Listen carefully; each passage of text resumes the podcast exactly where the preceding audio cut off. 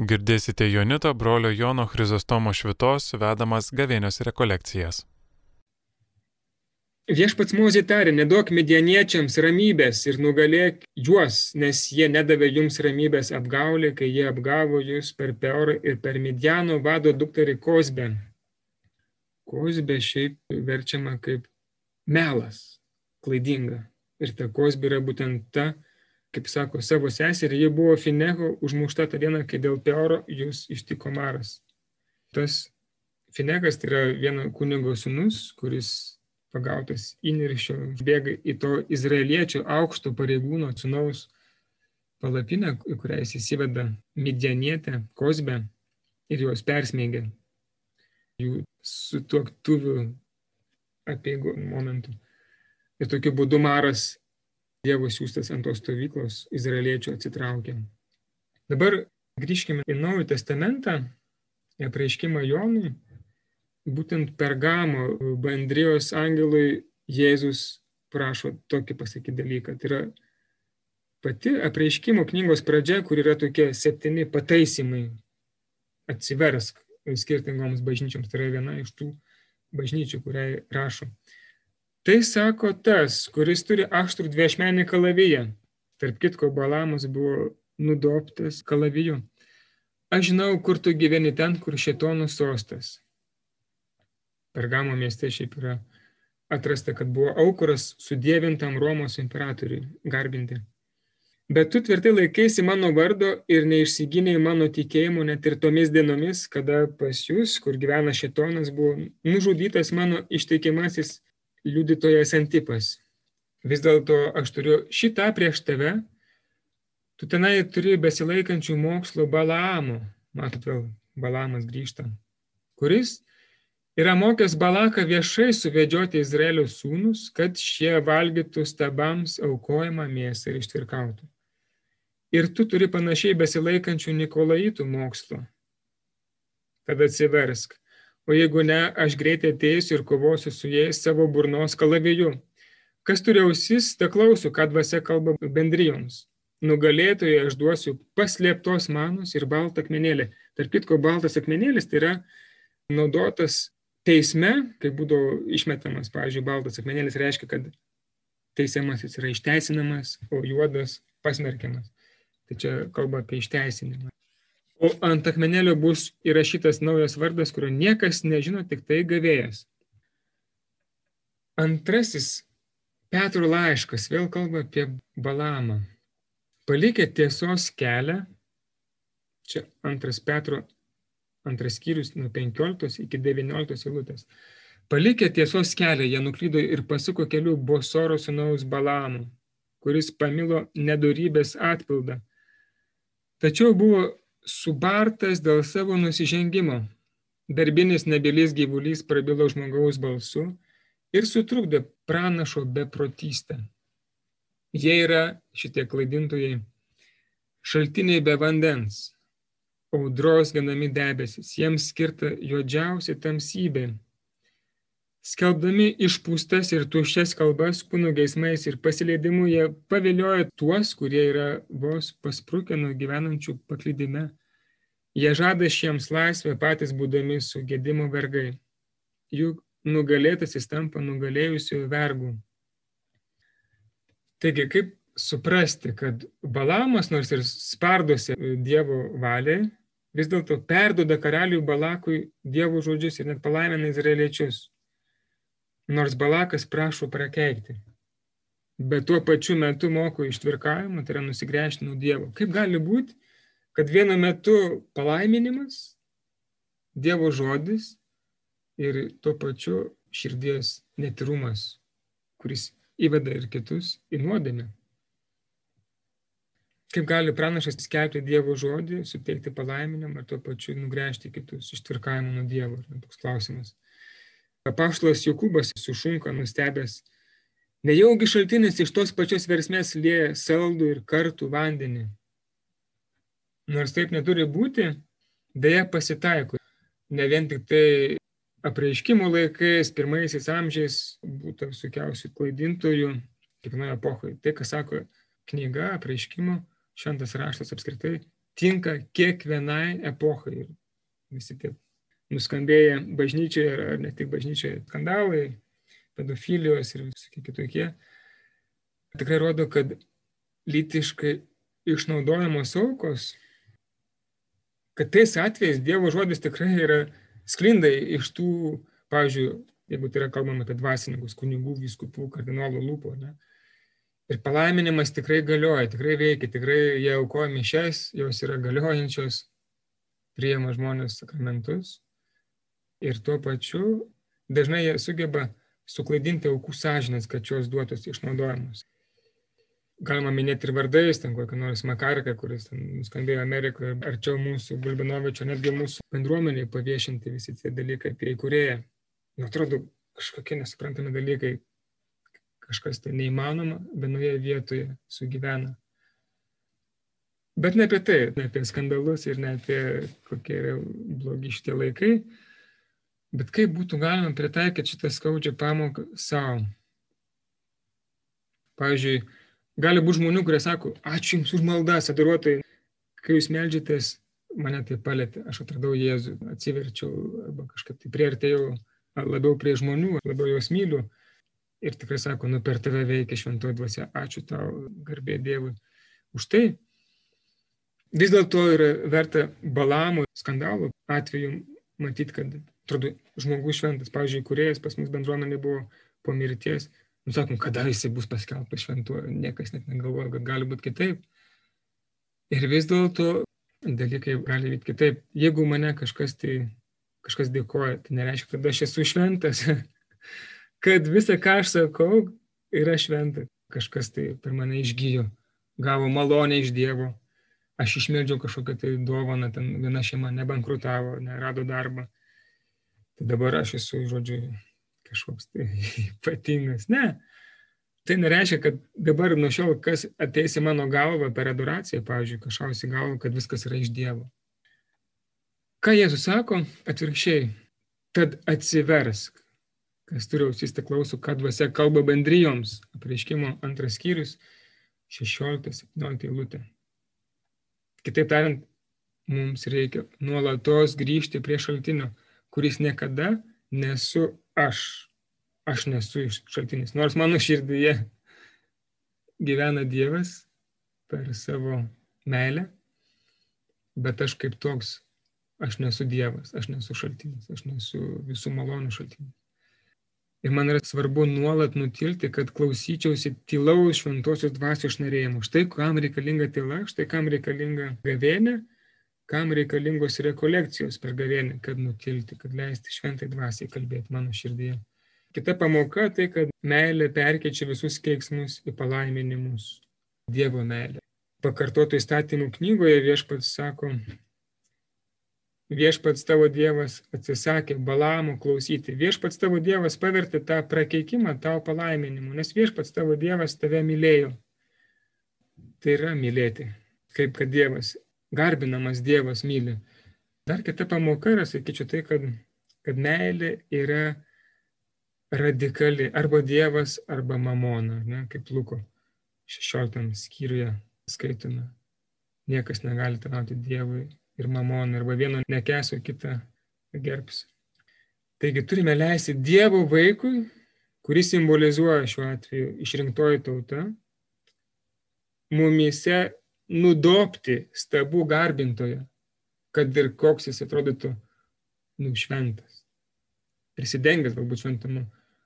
Galbūt gyvename padarau kažkokių tai dalykų, kuriuos Dievas sugeba perkeisti į malonės, bet jos yra iš Dievo malonės, ne iš manęs, bet kiekviename žmoguje, taigi ir manyje, kaip padaruotoje, kaip brolėje, seseryje, vienuolėje, kunigo asmenyje, yra gerų dalykų ir taip pat nelabai gerų dalykų. Man reikia iš pažinties, netgi popiežius eina iš pažinties, bet Kristaus meilė, grįžimas prie šaltinių kviečia mane tą meilę taip įsileisti savo širdį, kad visa, kas nėra iš meilės, pradingtų. Tai yra tokia simbolinė kalba, nudobint tą balamą mūsų širdyje. Beoro sūnų žinį balamą izraeliečiai nužudė kalavijų draugė su kitais, rašo jos knygoje 13 skyriuje 22 eilutėje. Aš visada galvoju, kaip suprasti žiauriai žudynės išrinktai tautai užkariaujant pažado žemę. Nežinau, galbūt jums tokių buvo klausimų. Ar Seno testamento Dievas yra žiaurus, o naujojo testamento gailestingas? Atrodo, kad nieko panašaus. Toje pačioje apreiškimo knygoje skaitome apokaliptinę kovą. Tai reiškia laikų pabaigoje, kuri gali būti ir mūsų laikais, tarp kitko. Tuomet išvydo žvėrį ir žemės karalius bei jų kariuomenės, susirinkusias kovoti su raiteliu ir jo kariuomenė. Čia kalbama apie raitelį ant balto žirgo, Kristaus simbolį. Žvėris buvo sugautas, o kartu su juo netikrasis pranašas. Jo akise darė stebuklus ir jais klaidinę žmonės. Balamas buvo netikras pranašas, nes jis buvo pagonių žinys. Nors Dievas per jį kalbėjo, per jį palaimino, bet tuo pačiu jis buvo tas, kuris klaidino žmonės. Matot, atrandame sąsąją su apreiškimo knyga, kurie buvo prieėmę žvėrės ženklą ir garbino jo atvaizdą garbinimas žvėries atvaizdo yra didžiausias stabmeldystės pavyzdys, anti-adoruotojo pavyzdys. Taigi jie buvo, gyvi buvo įmesti į ugnies ežerą, su degančia siera, visus kitus užmušė raitelis kalavijų, einančių iš burnos ir visi paukščiai prisilėsė jų lavonų. Čia tikrai nieko labai romantiško nematau, bet čia yra vis dėlto Naujojo testamento tekstas ir ten buvo miriadų, miriadai tų susirinkusių karių, nes tai buvo galutinis mūšis, tai reiškia armija daug didesnė negu kad pažadėtai tautai užkariaujant Palestiną. Ir matome begalę tų lavonų, kuriuos ryja paukščiai, tokie šlykštus padarai, ten vanagai, grifai, hienos, visokie subėga, puotauja. Tikrai jokios romantikos. Bet bažnyčios tėvai pažado žemės užkariavimą tose tautose, kurios yra tos pagonų tautos, išvelgia didžiasias nuodėmės. Iš tikrųjų, kas vyksta išpažinties metu, galite sakyti, štai pavyzdys, kas vyksta išpažinties metu, raitelis ant balto žirgo su visais šventaisiais ir angelais išjoja į mano širdies platybės, dykumas ir ten nudobė visą, kas nėra iš Dievo, visą, kas yra nuodėmė, visą, kas prieštarauja Dievui. Ir jeigu ten yra daug tų nuodėmių, tai skerdynės būna labai didelės. Ir tai vadinasi atsivertimas. Kai širdis sugrunda, reiškia įvyko didelė kova. Bet dar ne viskas, kaip su tais paukščiais, kurie prisilėsa lavonų, nes viešpats sako irgi Evangelijoje, kai jo paklausiu, kur viešpatė susirinks tie, kai ten bus paimta viena nuo girno, kita palikta, vienas lovoje paliktas, o kitas paimtas. Viešpats atsako, ten, kur yra lavonų, ten sulėks ir maitvanagiai. Čia, sakyčiau, yra toksai inkorporacijos, įkūninimo toksai procesas. Kūniškas įvaizdis žymėti, kad pagonis mumise yra perkečiamas į Kristaus mistinį kūną, bažnyčią, tampu Kristaus nariu. Bet tam reikia numirti, kaip krikštas simbolizuoja panardinimą į mirtį ir išnerimą gyvenimą. Kažkas panašaus ir čia Kai šventieji nukauna tuos pagonės, reiškia užkariauja žemę, jie palieka šventą, jinai yra pašventinama. Čia yra esminis dalykas. Ne pats žiaurumas, kuris matomas, bet tas šventumas, kuris iš to kyla. Ir suėsti tuos lavonus reiškia pašalinti visą, kas suteršta šitoje žemėje, šventoje žemėje. Nuo šiol skirtoje Dievo vaiko gyvenimui. Tas Dievo vaikas reiškia kiekvienas iš mūsų po krikšto, po atsivertimo, per Dievo tą malonės gyvenimą tampame šventąją žemę, pažado žemę. Ir dėl to tai, ką išgyvena Izraelis dykumoje per šitą išėjimą iš Egipto, kiekvienam iš mūsų tinka mūsų asmeniniai kelioniai prie šaltinių, gyvojo vandens šaltinių. Ir dėl to per gavėnę šitie skaitiniai yra nuolat skaitomi, kaip Izraelis keliauja per dykumą. Dėmesio, aš nenorėjau pasakyti, kad Senojo arba Naujojo testamento Dievas yra žiaurus. Aš sakyčiau, kad galestingojo Jėzaus galestingumo niekaip nesuprasiu, kaip reikiant, nematydamas viso nuodėmės arba meldystės mirtinai išlikštaus bjaurumo. Man reikia tokių įvaizdžių, kad kažkaip suvirpėtų mano širdyje ir Senajame testamente tai yra meniškai, sakyčiau, pavykęs dalykas. Parodyti, kokia nuodėmė gali būti bjauri. Ir taip pat matau kitoje vietoje Naujam testamente, kokia nuodėmė yra išlikšti, tai yra pati tokia baisiausia vieta, kuri mums yra labai šiaip miela, nes yra ant kryžiaus. Ant kryžiaus nuodėmė parodoma visame savo klaikume. Ir per tą lavonus, sakyčiau, dar surijimo, nužudimo, surijimo įvaizdį Dievas taip pat kalba, kad tie, kurie buvo pasmerkti bedieviai miriopą, nes pagonystė, stabmeldystė reiškia, kad aš save atskiriu nuo gyvenimo šaltinių ir garbinu demonus, kaip Paulius sako. Tai reiškia, garbinu stebus, tai reiškia, garbinu tuos, kurie nėra Dievas, kurie nėra gyvenimas, kurie yra mirtis. Tai reiškia, jeigu aš tą pagonį savyje nukaunu ir gimsta Dievo vaikas, tai tai, kas buvo pasmerkta, perina į išganimą. Žodžiu, pasmerkimas tampa išganimu, atpirkimu. Juodas akmenėlis persikeičia į baltą akmenėlį apreiškimų knygoje. Ar tai nėra gailestingumas? Sakyčiau, čia yra didžiausias gailestingumas. Iš mirties pervesti kažką į gyvenimą, tai yra gailestingumas. Na, aišku, paskui klausimas, kaip tie simboliai išreikšti, nu, čia skonio reikalas. Mes matome taip pat kai kurių menininkų apokalipsės apreiškimo paveikslos išreikšta. Tikrai tai, yra, tai nėra kažkokia romantinė pasiekėlė vaikams. Tikiuosi, kad tarp mūsų visi yra pilnamečiai, tai ką aš sakau, čia ne vieno nepašiurpins. O jeigu ir pašiurpins, tai aš, aš tikiuosi, kad šventoji dvasia kažkaip sugebės perkeisti tai į palaiminimą. Taigi, tai nereiškia, kad nuo šiol visiems aplinkiniams per adoraciją turėsiu melstį mirties, kad visus viešpats nudoptų. Ne, ne apie tai buvo rekolekcijos, ne apie tai mąstymas. Nebent, jeigu tai priemu kaip teresėlės atveju, kai mamai meldė mirties, o kai mama išsigandusi paklausė vaikelį, dėl ko taip darai, sako, mama, bet sakai, kad išvysti Dievą reikia numirti, dėl to aš noriu mirties, kad, kad tu greičiau Dievą išvystum. dar yra svarbu atkreipti dėmesį, kalbant apie adoraciją, tai kad kokios yra priemonės. Ir viena svarbiausių priemonių įsilieti į garbinimą yra tyla.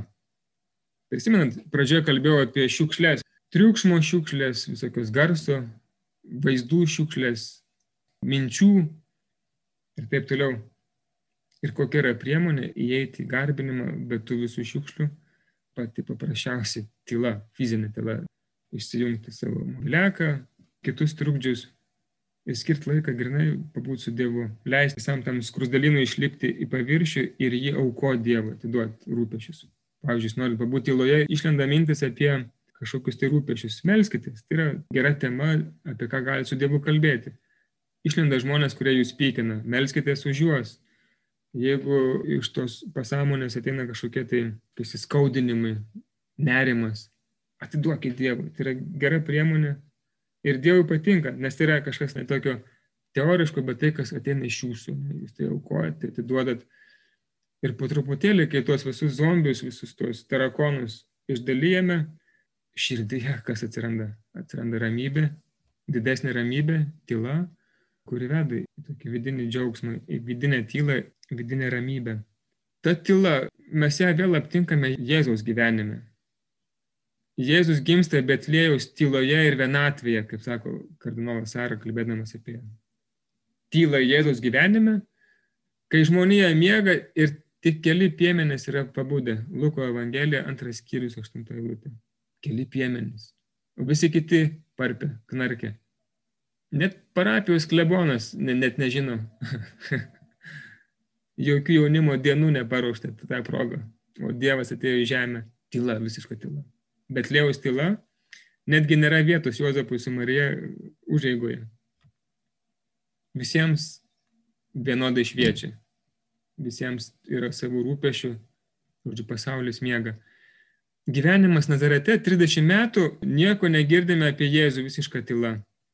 Jis darbuojasi Juozapo dirbtuvėse, ne, kaip ten mato Evangelijos 13 skyriaus 55 eilutėje matome. Nazarete Dievas nuolatos ir tyloje buvo su Dievu, sunus su tėvu, Dievas kalbėjusi su Dievu tyloje. Tai yra fantastika. Nieko nepasakyta, kaip beje ir Juozapo gyvenime mes nematom nei vieno žodžio. Marielė Marija tylos tokia buveinė, bet daugiau žodžių Marijos, bet apie Juozapą, pavyzdžiui, iš viso nieko. Ir tai yra ne, ne šiaip, tie visi dalykai, jie mums kalba apie tikrai tas priemonės, kurias viešpats mums sako. Nieko neparašyta, nieko nepasakyta, bet 30 metų kažkaip tai praleista. Netgi viešasis Jėzaus gyvenimas buvo įsišaknyjęs ir lydimas tylioje maldoje. Jėzus lipdavo į kalną pasimelsti vienas pats, eidavo į negyvenamą vietą, kad pasimelstų. Dieną dirba, naktį meldžiasi. Jisai sako tokių pavyzdžių, kokia yra priemonė, tylos priemonė, svarbi adoruotojų gyvenime. Sekti Jėzumi reiškia taip pat mėginti pasirinkti tas pačias priemonės kaip jis, kad pasirinko.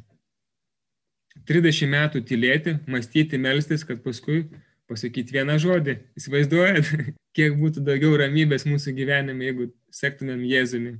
Čia galbūt daugiau savo pamokslą sakau, kad prieš sakydamas pamokslą, ten 10 minučių turėtum 10 metų jį išmedituoti. Tada būtų tikras pamokslas, einantis tiesiai iš šaltinio.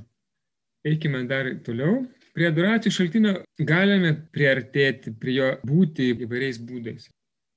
Ir vieni, kaip pavyzdžiui Jonas, atradę šaltinį galime tiesiog pasilikti, prisiglaudę prie šaltinio švenčiausios Jėzaus širdies. Galima taip pat, kaip pavyzdžiui Andriejus, atradę šaltinį, skubėti atsivesti savo draugus, pažįstamus, kitus žmonės, sakyti, einam, radau šaltinį, fantastika, nu tai yra nuostabu. Ir atsiveda žmogus į adoraciją savo draugą, draugę. Arba kaip Natanelis, kuri kankina abejonės dėl to šaltinio, čia gali būti kažkas gero, nu, kur čia rasi gerą šaltinį, visi yra, geri šaltiniai yra, už juos reikia mokėti, arba jie kokia nors yra ten reklama tik tais iš jų. Jis tokia abejonė, ieško tiesos, bet kai šaltinis jam prakalba, jis iš kartimą garbinti. Rabi, tu Dievo sūnus, tu Izraelio karalius. Jono pirmas skyrius, 49 eilutė. Ir mes matom, kad kiekvienas mokinys yra labai skirtingai pašaukiamas. Tai reiškia, kad kiekvienas iš mūsų tą šaltinį taip pat atrandame labai skirtingai. Ir tai, ką aš sakau, gali vieniems tikti, kitiems visiškai, sakys, nu, mano patirtis yra kitokia. Tai galim klausti, viešpatį, kaip tu mane vedi, per kokį kelią.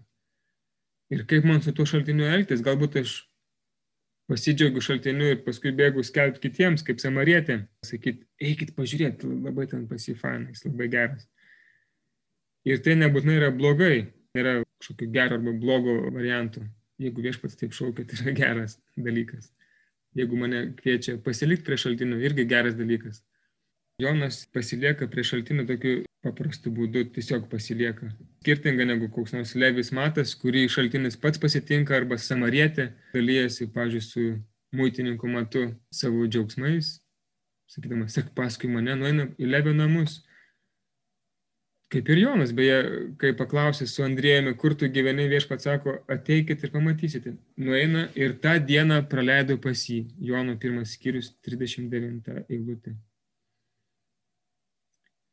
Taigi norėčiau truputėlį pabaigai paminėti keletą būdų, kaip Jonas, kaip jisai pasilieka prie šaltinio, kaip jis mums gali kaip padaruotojams atskleisti truputėlį savo paslaptis.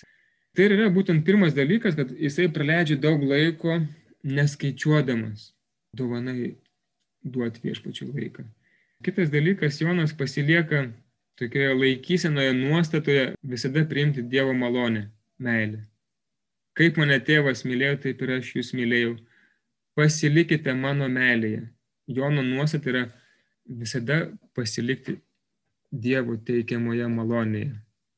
Jonas yra kaip surenkamasis lietvamzdis, nuo stogo surenka visas malonės ir ją sugeria į save. Jis turi didelę širdį, kur ten telpa labai daug. Čia geras būtų galbūt įvaizdis Jonas, tai yra lietvamzdis, kuris nuo stogo neleidžia ne vienam lašui nutekėti be reikalo, bet jis sugeria, jis pasilieka toje Dievo meilės, apmasto, jis joje maudosi. Kaip mane tėvas mylėjo, taip ir aš jūs mylėjau. Kaip, pavyzdžiui, pagonis arba nusidėlis pasilieka nuodėmėje. Paulius sako, Kągi sakysime, gal mums pasilikti nuodėmėje, kad gausėtų malonė? Ne, Jonas sako, ne nuodėmėje pasilikti, bet pasilikti meilėje, ne, tokia priešingybė. Ir būtent tas pasilikimas meilėje mus ir vaduoja iš tų nuodėmių. Geriausias būdas kovoti su nuodėmi, čia tokia Jono paslaptis, yra mylėti. Stenkis mylėti ir tada nuodėmis mažės tavo gyvenime. Stenkis mylėti ir tada tie baubabai, visokie nerimo šmėklos jos mažės trauksis. Stenkis mylėti ir ten tos tautos, pagonio jos kažkur tai dings savaime, nuo nuodėmė atsitrauks, bus daugiau šviesos. Tai toks yra pozityvus būdas kovoti su tuo, kas mums neša mirtį. Nesižvalgyti mirtį, sakyti, kaip dabar man su ją durotis, čia dabar rankas kažkaip tai purvintis, bet, bet mylėti, nešk daugiau šviesos ir kai žvakė uždegi juodam kambarį, tamsiam kambarį pasidaro šviesiau ir šešėliai kažkokie atrodo sumažėja gerokai. Vietoj to, kad tamsiam kambarį dabar kovoti su, su kokia šluota pasiemus, su ta tamsa, makaluoti, jos nesumažės. Geriausias būdas yra ieškoti šviesos, meilės. Kitas būdas, kaip Jonas pasilieka prie šaltinio, visiškos vienybės su Dievu troškimas. Citata iš pirmo Jono laiško, jeigu tai, ką girdėti nuo pradžios pasiliks jumise, tada jūs pasiliksite su nuoje tėve. Visiškos vienybės su Dievu troškimas. Galim prisiminti, kad šventajame rašte šaltinis yra įsimylėjėlių susitikimo vieta. Ten Jokūbas susitinka su Rachelė, arba, pavyzdžiui, ten Rebekos atveju iš pradžios knygos matome, kad Abromo tarnas sako, man dar nebaigu širdie kalbėti, išėjo Rebeka su savo sočiu ant pėties. Ji nulipo prie šaltinio ir pasisėmė vandens, aš jos paprašiau, prašyčiau man duoti atsigerti. Tai buvo ženklas, kad tai yra ta išrinktoji kuris skirta jo šeimininko sūnui Izaokui. Ir tokiu būdu Rebeka patikė ir važiuoja su juo. Tampa žmona, iš kurios kyla Jokūbas su 12 tautų. Visos Izraelio giminės, kildinamos iš to sutikimo, netgi pats Jėzus kyla iš to tokio sutikimo, susitikimo prie šaltinio. Pats Jėzus yra toksai labai, kaip sakyti, įsimylėjėlis kaip ir visi įsimylėliai šventam rašte, jisai nuvargęs iš kelionės prisėda palei šulinį, reiškia šaltinį. Šulinys tai yra toksai ir įrėmintas šaltinis, bet neuždarytas. Ta prasme, jisai ten jis semiamas, vanduo atsinaujina, pribėga iš naujo. Buvo apie šeštą valandą. Viena samarietė moteris, matot, samarietė, vėl svetimtautė, vėl balamo kažkokia nuotrupa tokia neaiški, ten primaišyta joje visokiausių dalykų. Ir jisai jai sako, duok man gerti. Prieš tai Abromo tarnas sakė, prašyčiau man duoti atsigerti. Čia labai aišku, tai yra šventajame rašte yra tokie slaptažodžiai, jeigu, jeigu juos pagauni, gali iššifruoti nesunkiai reikšmį. Dievas yra beprotiškai įsimylėjęs žmoniją, nors ir nusidėjusią įsimylėjėlis, Ir ta žmonija yra nuotaka, kurios jis trokšta. Ir, ir nuotaka pati irgi trokšta jaunikio, kuris patenkintų jos širdį. Nes tie visi jos vyrai, kuriuos turėjo prieš tai, negali patenkinti jos širdies. Jis yra nepasotinama, jis yra nusivylusi, perdegusi, nelaiminga. Štai pagaliau tikrasis sužadėtinis, tikrasis jaunikis, kuris yra gyvojo vandens šaltinis. Štai kodėl Jonas mus kviečia tiesiog eiti prie šaltinio, tiesiog pasilikti. Ne? Tai yra jo toksai pasirinkimas - pasilikti prie šaltinio. Pasilikti prie Jėzaus širdies, kad klausytumės visą, ką jis turi atskleisti apie tėvą. Vienas mokinys, kurį Jėzus mylėjo, buvo prisiglaudęs prie Jėzaus krūtinės. Kolpo graikiškai. Jono pirmame skyriuje taip pat tas pats žodis paminėtas, kai sako, sunus Dievas tėvo prieglobstyje esantis mums jį atskleidė tas prieglobstis ir krūtinė yra tas pats žodis graikiškai kolpon, kurį būtų galima versti žmogaus vieta, kur yra tarp dviejų rankų. Bet taip pat galima versti, pavyzdžiui, iščios. Iščios, iš kur kyla gyvybė. Labai galbūt neskamba, kad tėvas turi iščias, anatomiškai nelabai susisieja, bet simboliškai labai stipru. Prisiglausti prie Dievo, prie Jėzaus krūtinės reiškia prisiglausti prie gyvybę teikiančių iščių. Kaip kad mergelė Marija priimdama į savo iščias Dievo žodį tampa gyvojo vandens šaltiniu, nes iš jos gimsta gyvybę teikiantis viešpats.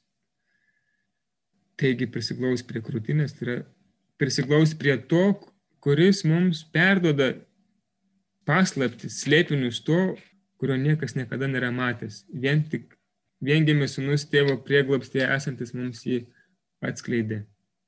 Tokia yra mintis šitų rekolekcijų, kad tas šaltinis, mes jį turim Vilniuje atskleistą per Faustinų dienoraštį, jos, jos žinia, tas pati širdis, kurie atsivėrė ant kryžiaus, iš kurios gėrė Jonas, taip pat ta pati širdis mums yra neišsemiama gailestingumo versmė, adoracijų šaltinis, visos meilės, pagarbos ir gyvybės šaltinis. Esam kviečiami prie jo glaustis. Ir ta malda labai gražu būtų su ją ir pabaigti.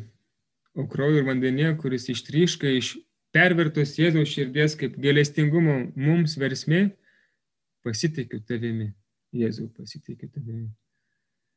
Labai gražiai susišviečia su kita Jono vieta, kur sako, kas trokšta, tai ateina pas mane ir tegu geria, kas mane tiki, Kaip raštas sako, iš jo vidaus plūs gyvojo vandens srovės. Tos pačios srovės trykšta. Kiekvieną kartą, kai prisiglaudžiam per adoraciją prie Jėzaus krūtinės, nors ten nieko nejaučiam, nėra kažkokių labai ypatingų ten tų srovių, bet tikėjimu žinome, kad iš širdies į širdį tos srovės teka. Bet triukšmų, tyloje.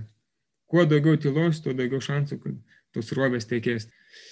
Apibendrinant, šitas rekolekcijas, ką norėčiau pasakyti, kad adoruotojas kviečiamas savo maldą apkabinti ne tik savo kiemo, kažkokius vietinius rūpešius, bet ir visą žmoniją. Pati adoracija yra gyvybiškai svarbi pačiam adoruotojui ir taip pat visai bažnyčiai. Jūs esat vienas iš mūsų, kurie tą žmonijos troškulį nešamės į adoracijos kuplyčią. Tokiu būdu dalyvaujame bažnyčios vaisingumo darbe. Garbinimas yra žmogaus pripažįstančių save kūriniu, parpolimas prieš tris kart šventą kūrėją. Yra dar kita mintis, kurią galima atsiminti, kad žmogaus prigimtis, mūsų prigimtis, tokia kūno ir, ir sielos prigimtis reikalauja, kad adoracija būtų įeinama progresyviai, pasitelkiant Dievo buvimo ženklus kūrinyjoje, sakralinėme mene, sandoros istorijoje, ypač Kristaus kūne ir kraujyje. Ir tyla yra viena svarbiausių priemonių įsilieti į garbinimą. Ir prie to šaltinio mes keliaujam ir būname skirtingais būdais. Mums reikia ieškoti, koks būdas labiausiai atitinka mane, mano temperamentą, mano charakterį, tai kas aš esu. Ir taip pat klausinu, kuo Jono pavyzdys yra aktualus adoruotojams, ką aš galiu iš jo pasimokyti. Girdėjote Jonito brolio Jono Chrizostomo švitos vedamas gavėnios rekolekcijas.